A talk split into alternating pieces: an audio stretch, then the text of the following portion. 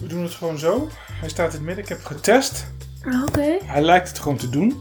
Wel aangezet dan. Hij staat aan. Oh. Hij loopt. Het gaat zo snel hier altijd.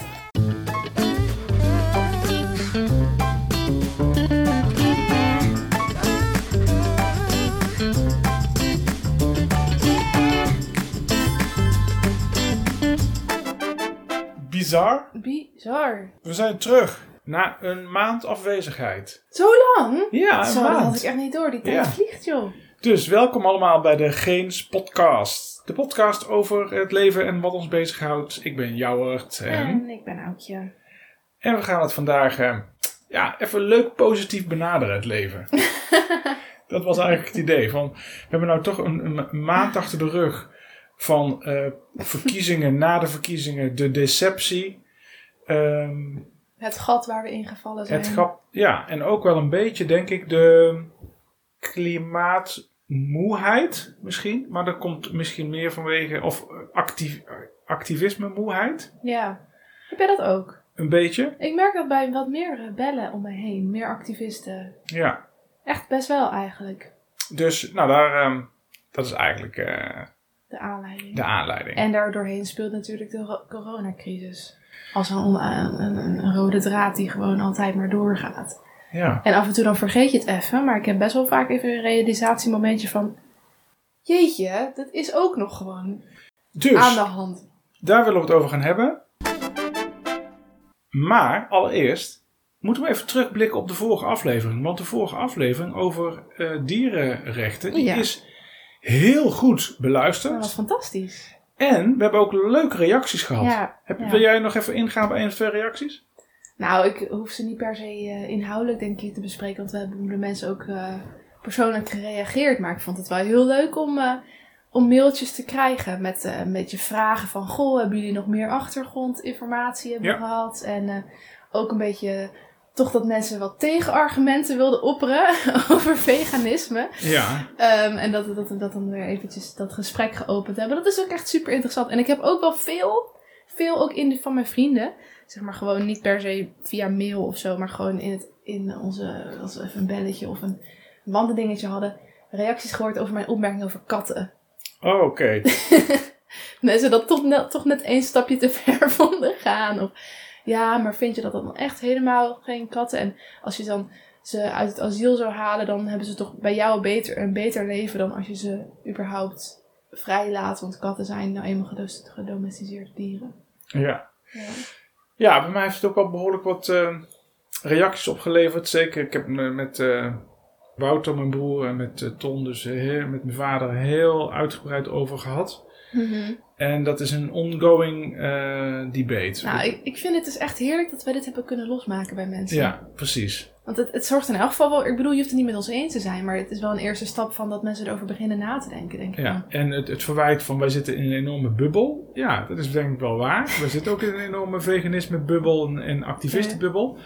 Eh, en het is leuk om nou ja, ook een beetje te reflecteren wat het dan met jezelf doet. En ja, of het nou de waarheid is, dat laten we dan maar even in het midden. Ja, ja. Maar Ja, le- ja, lees vooral ook gewoon meer, verdiep je er meer in. Zeker weten. Ja. Maar terugblikkend op die podcast was ook wel zo dat we daar wel zaten met z'n drieën. Vooral te hebben over de, we hadden het vooral over de inhoud en niet per se over de maatschappelijke context. Terwijl ik ben daar best wel mee bezig. In het dagelijks leven natuurlijk. Ik bedoel, ik woon nog gewoon in een huis, huishouden van 14 personen in een studentenhuis waar ik de enige veganist ben. Dus ik word vaak genoeg geconfronteerd met dat het bijzonder is. Ja, Kwam niet echt aan bod in onze podcast. nee. Dat hadden nee. we misschien wel anders kunnen doen. Maar ik vond het juist ook interessant om gewoon in die filosofie te duiken of zo. Ja, en eh, precies, en dat werd ook wel erg gewaardeerd. Dus Douwe eh nodigen we vast nog een keer uit om Ja. het te hebben over filosofische fantastisch zaken. met Douwe. Dus, dat was eigenlijk het verhaal over dierenrechten. Ja,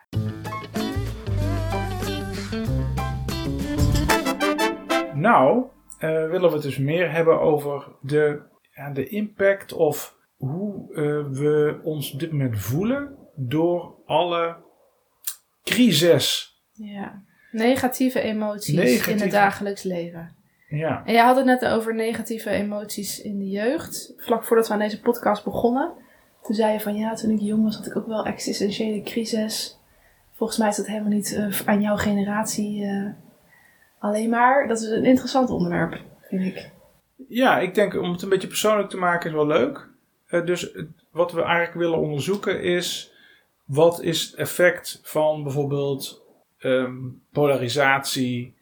maar ook de doemscenario's voor het klimaat... maar ook corona op de psyche. Um, je hoort, jij leest er natuurlijk heel veel van in, in de media. En er wordt ook wel va vaak gezegd natuurlijk dat um, vooral jongeren het enorm moeilijk hebben Mhm. op dit moment. En ja, de vraag rijst dan een beetje, is dat van dit moment of is het van alle tijden? Ja, En, ja en, en, maar ook is dat er gewoon, hoort dat er een beetje bij? Of zou je er iets mee moeten, ja.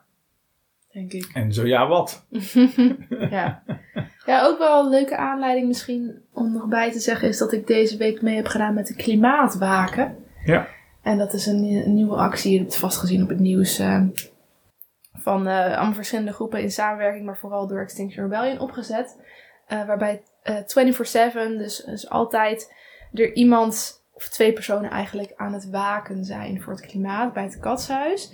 En s'nachts ook digitaal. Dus ik heb midden in de nacht van, van twee tot vier een shift gehad. Ik was ook daarvoor naar bed gegaan, dus mijn wekker ging om kwart voor twee. Oh jeetje. Goed van je, ja. moet opstaan. Maar het idee van die waken is dus dat je... Um, dat, dat we symbolisch naar de politiek, want het duurt de hele formatie, zeg maar, dat we een, uh, duidelijk maken dat wij klimaat belangrijk vinden voor de politiek. Maar het gaat ook over persoonlijke rouw en hoe ga jij om met de klimaatdepressie. Dat is heel erg de insteek van je Ja. brandt een kaarsje voor het klimaat. Dus Ja. ik, heb even, ik heb ook in die twee uur dus best wel met mijn eh, shiftgenootje Jens eh, gesproken over eh, klimaatdepressie. Oh, het goed. Ja. Nou ja, ontzettend goed initiatief. Wil je ook meedoen met de Klimaatwaker? Ga dan naar deklimaatwakers.nl. Kan je ook opgeven om een keertje bij het katshuis te gaan zitten. Of s'nachts uh, een van de nachtshifts te doen. Ik wil het eigenlijk ook wel gaan doen de Die komende zijn, tijd. die zijn hard nodig om daar eh, mensen voor Ja, en het kan natuurlijk heel erg lang gaan duren, de formatie. Dus we hebben heel veel wakers nodig, denk ik. Ja. Hey, maar vertel eens eventjes over dat eh, gesprek met Jens. Wat, eh, wat is je bijgebleven eh, daarvan? Ja. Reflectie over je eigen gemoedstoestand. Nou, dat we er allebei eigenlijk wel anders in stonden. Want hij heeft nooit heel erg last gehad van die klimaatdepressie, dat hele emotionele. Eh, terwijl, ja, ik dat wel gewoon moest toegeven dat me dat zeker wel is overkomen. Ik heb wel meerdere momenten gehad dat ik gewoon niet uit mijn bed wilde komen eigenlijk. Dus best wel depressieachtige symptomen van de existentiële crisis van klimaat. En ik heb dat vooral gehad toen ik uh, die boekjes heb gelezen. Je hebt een boekje van Extinction Rebellion. Een Engelstalige versie heet uh, This is not a This drill. is not a drill. En de Nederlandse versie heet Nu het nog kan. Um, er zijn echt prachtige essays in van allemaal verschillende soorten mensen. Was dan een of ander uh, inheems iemand uit een of ander bergdorpje. Een uh, firefighter, een brandweerman uit Australië. Iemand die um, ja, in de actiegroepbeweging zit. Een klimatoloog. Zeg maar allemaal essays over wat ons te wachten staat. En dan wordt het opeens heel concreet, Ja. heel persoonlijk. En ik had het laatst ook trouwens toen we die documentaire hebben gekeken over uh, um, we, um, Thank You for the Rain. Oh ja. Bij, het, bij een of ander filmfestival hadden we online gedaan. Echt superleuk. Ja, uh, ontzettend met papa en mama hier thuis. ja. Um, en die documentaire ging over een dorpje in Kenia? Kenia. Waar ze, uh, de documentairemaakster een familie ging volgen. Die eigenlijk er tegenaan liep dat de oogsten deed het mislukte. Omdat het regenseizoen maar niet kwam. Ja. En op een gegeven moment kwam het regenseizoen. Maar toen was het echt stortregen voor dagen achter elkaar. En dat alles overstroomd was. En uh, alles weer kapot was gegaan door de regen. dat was echt heel, heel aangrijpend. Vooral ook omdat dus de hoofdpersoon, eh, die, ging, die werd ook actief als soort van klimaatactivist. En die had, had een, zelf een landbouwopleiding gedaan. En eh, die hielp toen ook al zijn eh, dorpsgenoten en de mensen in de gemeenschap eromheen. Om ook na te denken over ja, meer klimaatbestendige eh, landbouw. Maar die ging toen ook lobbyen op het internationale vlak. En die ging toen dus met mij mee naar Parijs. Mhm. naar de, naar de 2015 was 2015 naar de Parijsakkoorden. En hij was zo boos op al die mensen daar van what the fuck, er gebeurt helemaal niks. Hij was ook gewoon gechoqueerd. Want Ja. hij had net al zijn persoonlijke verhalen verteld. eh, op al die conferenties.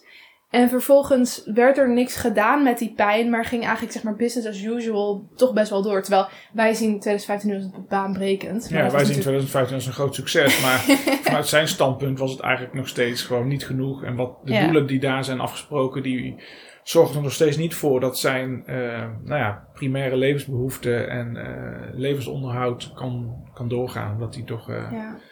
enorm geraakt is. En dat soort dingen vind ik wel interessant, omdat het persoonlijk zo zo'n impact heeft. En ik, ik had je laatst ook doorgestuurd de documentaire We Are Fucked.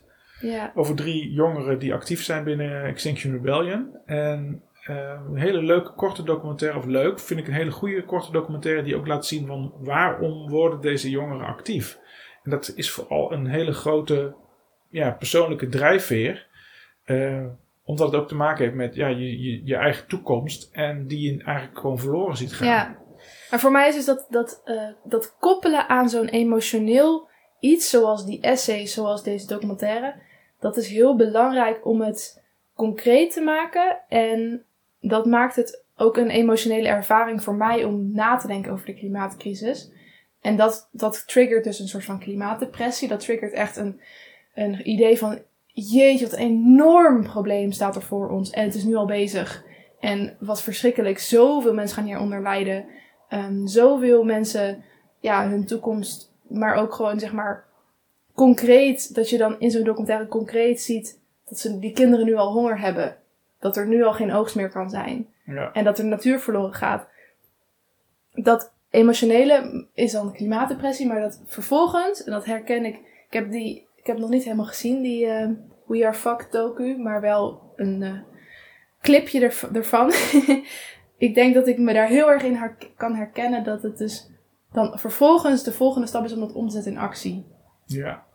Hey, maar uh, je, had, je zei dat Jens er anders in stond. Kan je uh, wat meer over hem vertellen zonder dat misschien heel persoonlijk te maken? Ja, maar wat was er anders? Nou, dus minder dat het een heel emotionele threat was. Wat meer gewoon van het is een groot probleem, praktisch. Hoe gaan we dit politiek oplossen? Ja, um, meer rationeel. En ik denk dat ik gewoon best wel in aanraking ben gekomen met best wel veel bronnen die het emotionele verhaal vertellen. En ik ben daar ook een beetje ingerold. Want je komt, ja, soms kom je zo'n token misschien wel toevallig tegen. Maar het was ook wel eens omdat ik actief ben bij Extinction Rebellion, dat ik steeds meer verhalen hoorde, cijfers van klimatologen hoorde. Dat het concreter werd en dat je een concreter toekomstplaatje kan krijgt van wat het zou kunnen zijn. En daar wordt die klimaatdepressie dan extra sterk door getriggerd. En wat, wat zijn voor jou de soort van symptomen van die klimaatdepressie bij jezelf? Als je terugkijkt over de afgelopen paar jaar? Ja, het is denk ik dus nog. Het is wel pas sinds ik ook op kamers woon, denk ik. Nou, dat is trouwens niet waar. Ik kan me één middag herinneren toen ik nog in mijn oude kamer hier beneden zat. Ja, ik, ik bedoel, ik heb natuurlijk zelf ook wel een soort van andere depressie meegemaakt. Wat helemaal niks met het klimaat te maken had, maar dat ik helemaal niet goed in mijn vel zat mhm. eerder. Uh, en dat was heel vergelijkbaar moedeloosheid, uitzichtloosheid. Het mhm. idee van ik kan eigenlijk niks. Uh, machteloos. Dat je het gevoel hebt van ja, ik kan nu wel iets gaan doen, maar dat heeft eigenlijk gewoon geen zin. En ik heb vooral geen zin om het te gaan doen, want ik, ik wil gewoon niet uit bed komen. Ja. Dus dat een beetje. Maar ik moet zeggen dat ik met klimaatdepressie is het iets minder dat ik er een hele, hele dag achtereen aan vast zit. Het is meer dat het individuele momenten dipjes zijn, zou je mhm. dat dan noemen, denk ik. En dat het dan een paar dagen later weer juist kan zorgen van, voor een energiespark. Ja, ja. Godver, wat erg. Ik ga er nu iets aan doen. Ja. Dat het een soort van boosheid of energie geeft die je in staat stelt om actie te voeren waar je misschien normaal gesproken nog een belemmering voelt. Ja. Ja. ja, dat, ja, dat zie ik. Ken je dat wel? Um, ja, niet helemaal. Als ik gewoon kijk naar wat ik zelf heb gezien in de wereld. Want ik ben eigenlijk best wel veel in aanraking gekomen al met de gevolgen van klimaatverandering in Afrika. Ik heb bijvoorbeeld in 2009 en in 2010 uh, trainingen gegeven in Ethiopië over klimaatadaptatie. Mm En dat dat ging dan niet inhoudelijk. Mijn verhaal of mijn dingen gingen niet zozeer over hoe, hoe pas je je aan, maar veel meer over hoe werk je samen met alle actoren, multi-stakeholder processen rondom uh, klimaatadaptatie. En we zijn toen in Ethiopië op een aantal excursies uh, geweest. En daar, zie je, daar zag je toen al uh, ja, dat er een aantal meertjes leeg waren gelopen. En mensen zeiden gewoon, ja, het gaat gewoon helemaal de verkeerde kant op. Mm -hmm. En ook op allerlei andere plekken was toen, waren toen al ja, toch wel behoorlijk wat ja, meer weerextremen te zien. Die te wijten zijn aan klimaatverandering. En um, ik weet niet hoe het komt, maar op een of andere manier. Het komt wel binnen bij me, maar het is niet zo dat ik er heel erg depressief van raak. Maar, maar eigenlijk veel meer het gevoel krijg: ik moet hiermee aan het werk blijven. Weet je wel, dit is. Uh, ik, ik moet gewoon doorgaan met het Mhm. werk wat ik al doe. Mhm. Dus eigenlijk steeds een soort van bevestiging krijgen. Ja, het is gewoon belangrijk dat je meehelpt bij bijvoorbeeld ontwikkelingssamenwerking of gewoon het versterken van lokale gemeenschappen of het versterken van organisaties die ermee bezig zijn. Ja. Maar ik, ik ben daar nooit in die periode heel, daar heel erg En depressief van geworden of dat zo. die, dat die houding dan komt door jouw persoonlijkheid? Of ook dat je dan bijvoorbeeld dat, het, dat je het in een werkcontext tegenkomt, dat dat er eigenlijk voor zorgt dat je je minder machteloos voelt, bijvoorbeeld? Zou kunnen, ja. Misschien dat ook wel, ook wel meespeelt, is dat je eh, niet zomaar depressief wordt, denk ik. En Ja. dat, dat dat ook wel een bepaald soort vruchtbare bodem nodig heeft. Eh, en als je Dus het dit- geluk hebt dat je een soort van omgeving hebt gekregen waarin je al wat meer stabiliteit hebt en eh, zekerheid, maar ook een bepaald soort mentale rust. Hè? Ik bedoel, ik heb het over een periode dat ik al eh 40 was, bijna, en kinderen, en je hebt een, een, een relatie, en je, je, hebt eigenlijk, je hebt eigenlijk genoeg om voor te leven, hè? laat ik het zo Mhm. zeggen. Je hebt eigenlijk al best wel veel, wat de wereld ook al mooi maakt. Ondanks Ja. het feit dat er een soort van zinloosheid is en allerlei ehm, negatieve dingen. Ja. Zoals bijvoorbeeld klimaatverandering of gewoon armoede of ongelijkheid of gewoon eh, injustice. Tegelijkertijd heb je iets om, als je s'avonds naar bed gaat, dat je toch je redelijk tevreden voelt. En ik, dat is misschien een beetje waar ik ook naar hinte. Op het moment dat je dat nog niet hebt, en als ik gewoon terugkijk naar mijn eigen twintig jaren. Op het moment dat je nog heel erg in ontwikkeling bent en nog op zoek bent naar sta- stabiliteit, ja, dan denk ik dat het veel makkelijker is om helemaal ten onder, bijna ten onder te gaan aan dit soort vreselijke doen-dingen. Die, Ja. natuurlijk, die je niet kan ontkennen.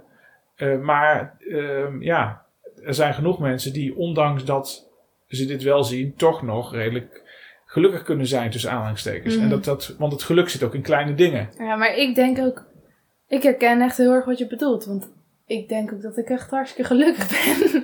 zeg maar, het heeft niet alleen maar met leeftijd te maken. Ehm, want ik ervaar ook wel, nou, ik zou niet per se stabiliteit noemen, maar gewoon een zeker soort iets waar je op terug kan vallen. Misschien dat klimaatdepressie ook wel helemaal niet het goede woord is voor wat ik voel. Mhm. Bedacht ik me net opeens terwijl je aan het praten was.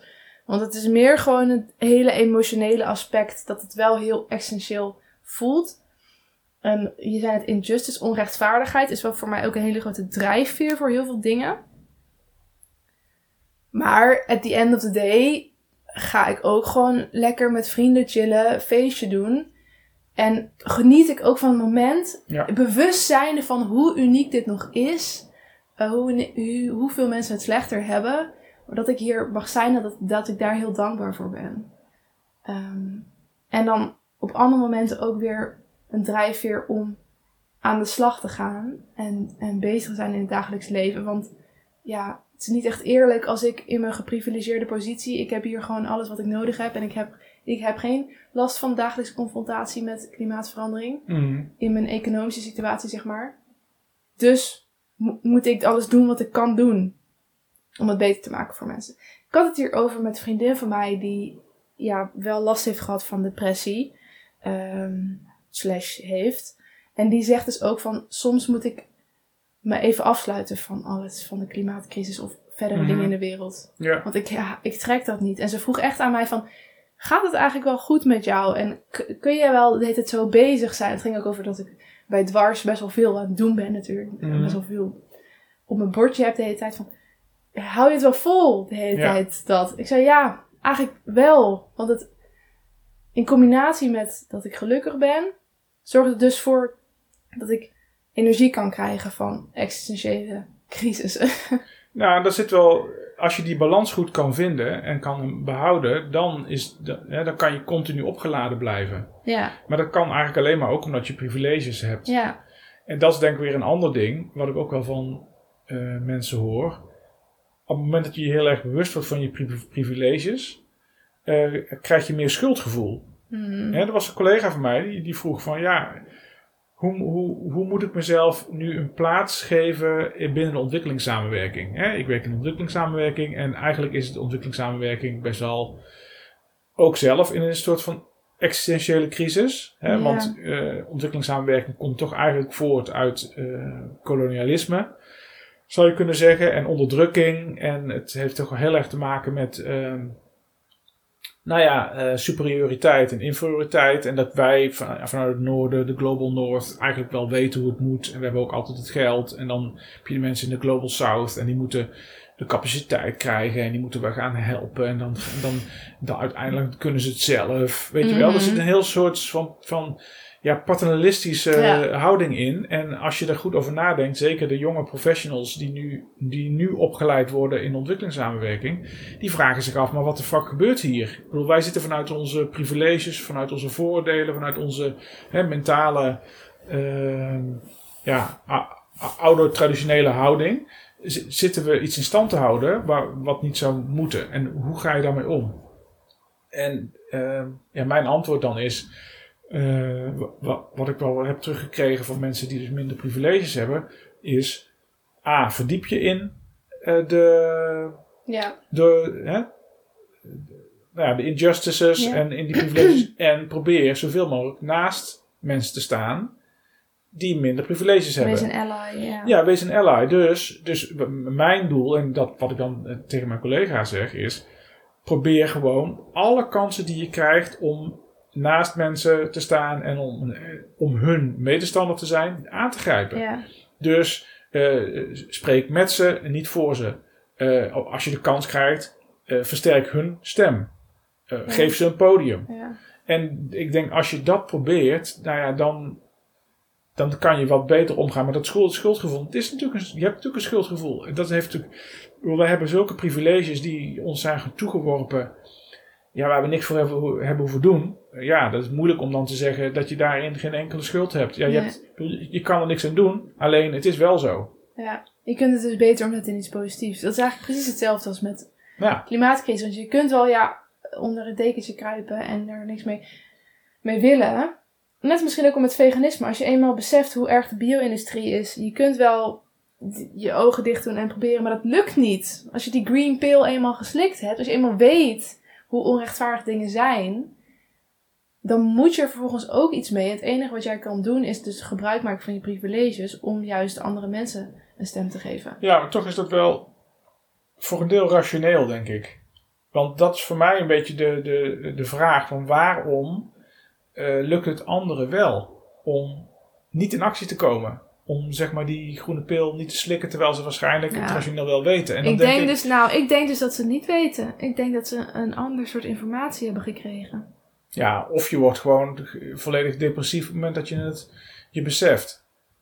Ja. Ik bedoel, als je eh, beseft hoe, eh, hoe de onderdrukking nog is van Hmm. mensen, eh, nou ja, Maar ik ken ook wel veel mensen in mijn omgeving die zich er wel heel erg mee bezighouden, de klimaatcrisis, maar dan niet echt per se in activisme willen gaan, maar meer bijvoorbeeld het een plek geven in kunst of wel in hun dagelijks leven er gesprekken over voeren, maar ja. liever gewoon in een ander wetenschapsveld of ehm, ja, plek in de samenleving bezig zijn met wat ze later willen doen. Ja. Maar je wil ook iedere dag doorkomen Ja, en ook een bepaald soort perspectief voor je leven hebben. Je wilt toch nadenken over ja, waar wil ik wonen, hoe geef ik mijn, mijn, nou ja, mijn soort van beroepscarrière vorm, hè? Hoe, hoe, ja, hoe geef ik mezelf expressie, hoe druk ik mezelf uit, hoe ontwikkel ik mezelf, hoe verhoud ik me tot anderen. En dat is, je kan niet alleen maar bezig zijn met activisme. Ik bedoel, dat is, eh, voor de meeste mensen is dat niet echt een levensbesteding. Nee, zeker niet. besteding Maar, dus, maar juist in dat dagelijks leven moet je dus soms ook dit soort crisissen dan een plekje kunnen geven. ja. Die onmacht. ja, misschien hadden we voor deze uitzending ehm, de klimaattherapeuten uit moeten no- nodigen. Want er zijn dus een aantal ehm, psychotherapeuten die zich speciaal richten hè, op... ehm, Ja, we gaan ook iemand uitnodigen voor het dwars binnenkort. Oh, die ja. met ons klimaatgesprekken gaat voeren. En ik weet niet of je haar kent, maar Eva Noack. nou, Die ken heeft ik ook een essay geschreven in eh, eh, Nu het nog kan. Dus een Oh ja, die Extinction ja. Boekjes. Ja, Zij komt eh, komende don- donderdag bij ons spreken over klimaatdepressie. ja. Echt super tof. Ja. Als we dan even door ehm, scrollen naar eh coronamoeheid. ja. En, en dan proberen dat parallel te trekken met klimaatdepressie. Z- Zitten daar parallellen? Nou, ik zie gewoon dat de hele jonge generatie. En ik kijk dan bijvoorbeeld ook even naar Rinske of andere mensen die ik om mij heen zie. ehm, bij Dwars bijvoorbeeld. Even voor de luisteraar, Rinske is haar zusje. zus. Waar Ja. vooral mensen die nog op de middelbare school zitten, maar ik zie het ook wel bij studenten. Dat gaat gewoon niet goed. Er zijn echt, echt heel veel mensen die er doorheen zitten. Ook mensen met psychische klachten. Mensen met, die heel onzeker zijn. Eh, ik zeg niet dat dat dan voor Renske geldt trouwens, maar Renske zit er soms gewoon even doorheen. En het gaat gewoon allemaal even soms niet zo lekker. Ehm, maar ja, vrienden van mij en, en GroenLinks heeft zich bijvoorbeeld ook heel hard gemaakt in de Tweede Kamer voor over de coronaregels. En wat dus de coronacrisis nu voor klap geeft voor jonge mensen. Dat wij elkaar, dat wij geen sociale contacten meer hebben. Mhm. En het zijn zeker niet alleen maar de coronaregels. Namelijk, ik denk gewoon dat het de zoveelste klap is bovenop de realisatie van de klimaatcrisis. Eh, een, een nieuw soort sociaal, hoe we met elkaar omgaan met sociale media. Sociale media hebben gewoon echt een grote impact Mhm. individualistisch op jongeren, op jongeren hun zelfbeeld. Ehm, en dan het vooruitzicht van wij zijn de eerste generatie die het slechter gaat hebben dan onze ouders. De huizen zijn zo duur. Eh, de economie gaat misschien straks wel instorten.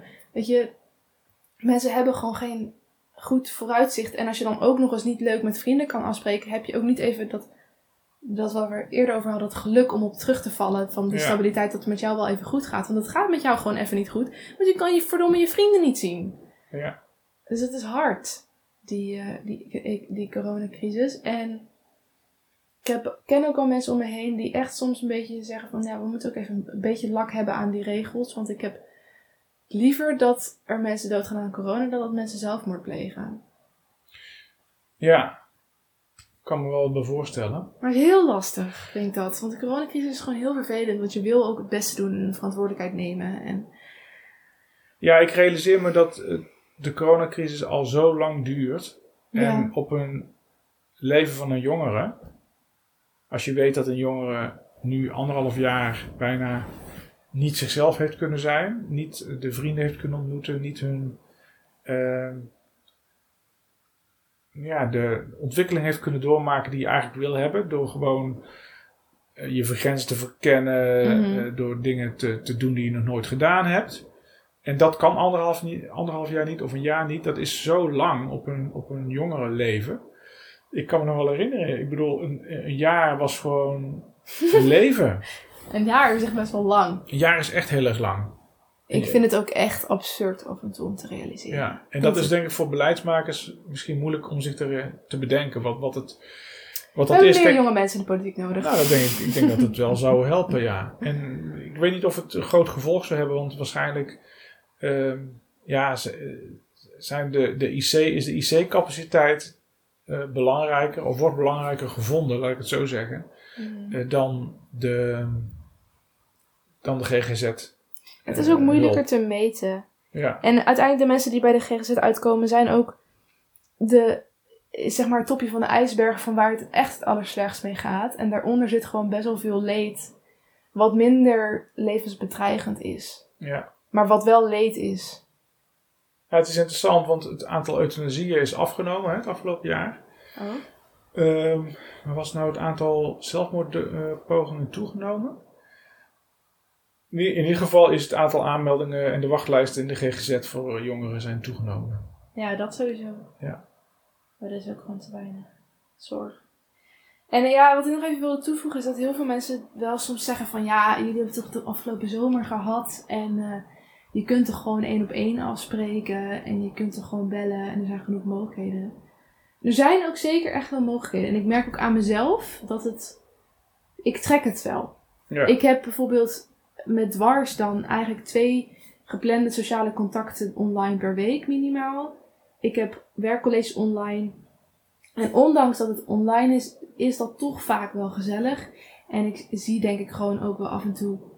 Nou, dat denk, dat denk ik niet. Ik zie af en toe vrienden. Ik zie wel best wel regelmatig genoeg vrienden om me ook goed te voelen, goed in mijn veld zitten. Ik eh, overtreed soms de coronaregels door dan gewoon met iemand op een date te gaan en geen anderhalve meter afstand te houden. Ehm, maar dat overtreden van die regels moet dus soms ook gewoon even, want je wil ook gewoon even iemand knuffelen. Ja. Je kunt niet, niet iemand knuffelen voor anderhalf jaar, dat gaat gewoon niet. Nee, dat kan niet.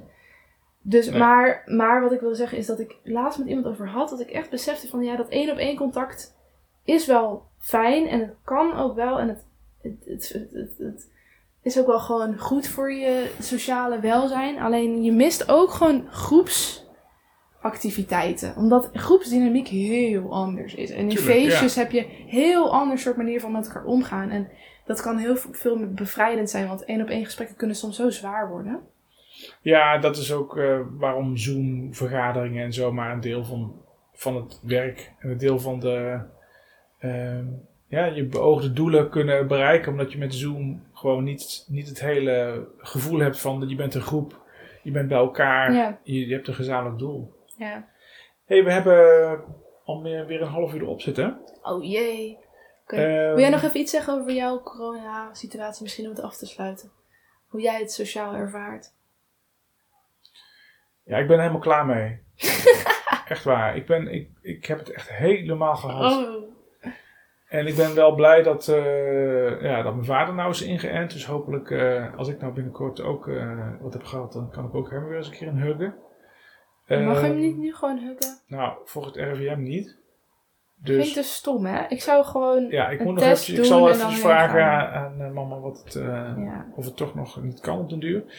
Eh, maar ja, en ik wil eigenlijk wel heel graag gewoon weer een keertje ergens naar een soort van iets leuks. Dus een feestje of een concert of weer naar de bioscoop. Of, want ik ben daar gewoon helemaal klaar mee. Ehm, nou, gelukkig eh, hebben we, nou dat mag ik niet zeggen, in de buitenlucht weer een keertje met elkaar koffie gedronken maar dat mag ik eigenlijk niet zeggen. Waar het was. ehm, nee, ik, ik ben er echt klaar mee. Ik, ik, ik heb er gewoon geen zin meer in. Heb jij wel het vooruitzicht van de zomer? Of ben je daar niet zo mee bezig? Jawel, ik, ik heb... Ja, ik wil wel heel, eh, heel graag aan de zomer... Hè, dat we lekker eventjes erop uit kunnen. Misschien Ja. naar de Schelling of naar een huisje of kamperen. En dan hoop ik gewoon na de zomer dat we echt weer... eh, ja, weer wat normaals kunnen doen. Want ik, ik, ik- ja, ik, ik trek het op zich wel. Maar ik vind het gewoon eh, soort van stilstand. Ja, dat, het is echt een stilstand. En, Maar eh, tegelijkertijd is het afgelopen jaar is het meest gebeurd in mijn hele leven, van mijn gevoel. Ook al was Nou. het allemaal online. dat is dan wel weer een positief ding. Maar ik, ben, ik moet zeggen dat ik wel over mijn dipje heen ben. Zeg maar. Nou Ik heb nu het vooruitzicht van de zomer. Elke keer als ik iemand spreek is van... Oh, deze zomer wordt zo gaaf. We kunnen weer feestjes. We kunnen weer dit. Als Ja. we straks allemaal een vaccin hebben gehad. Eh, dat gaat hopelijk lukken half juli. En ik heb dus vanaf deze week weer fysieke lessen. ja, dat is wel leuk. En dat is echt fantastisch. Er is wel weer hoop. Ik heb ook wel hoop. Nou, mocht je toch nog in psychische nood zitten, bel als het heel nood is 113.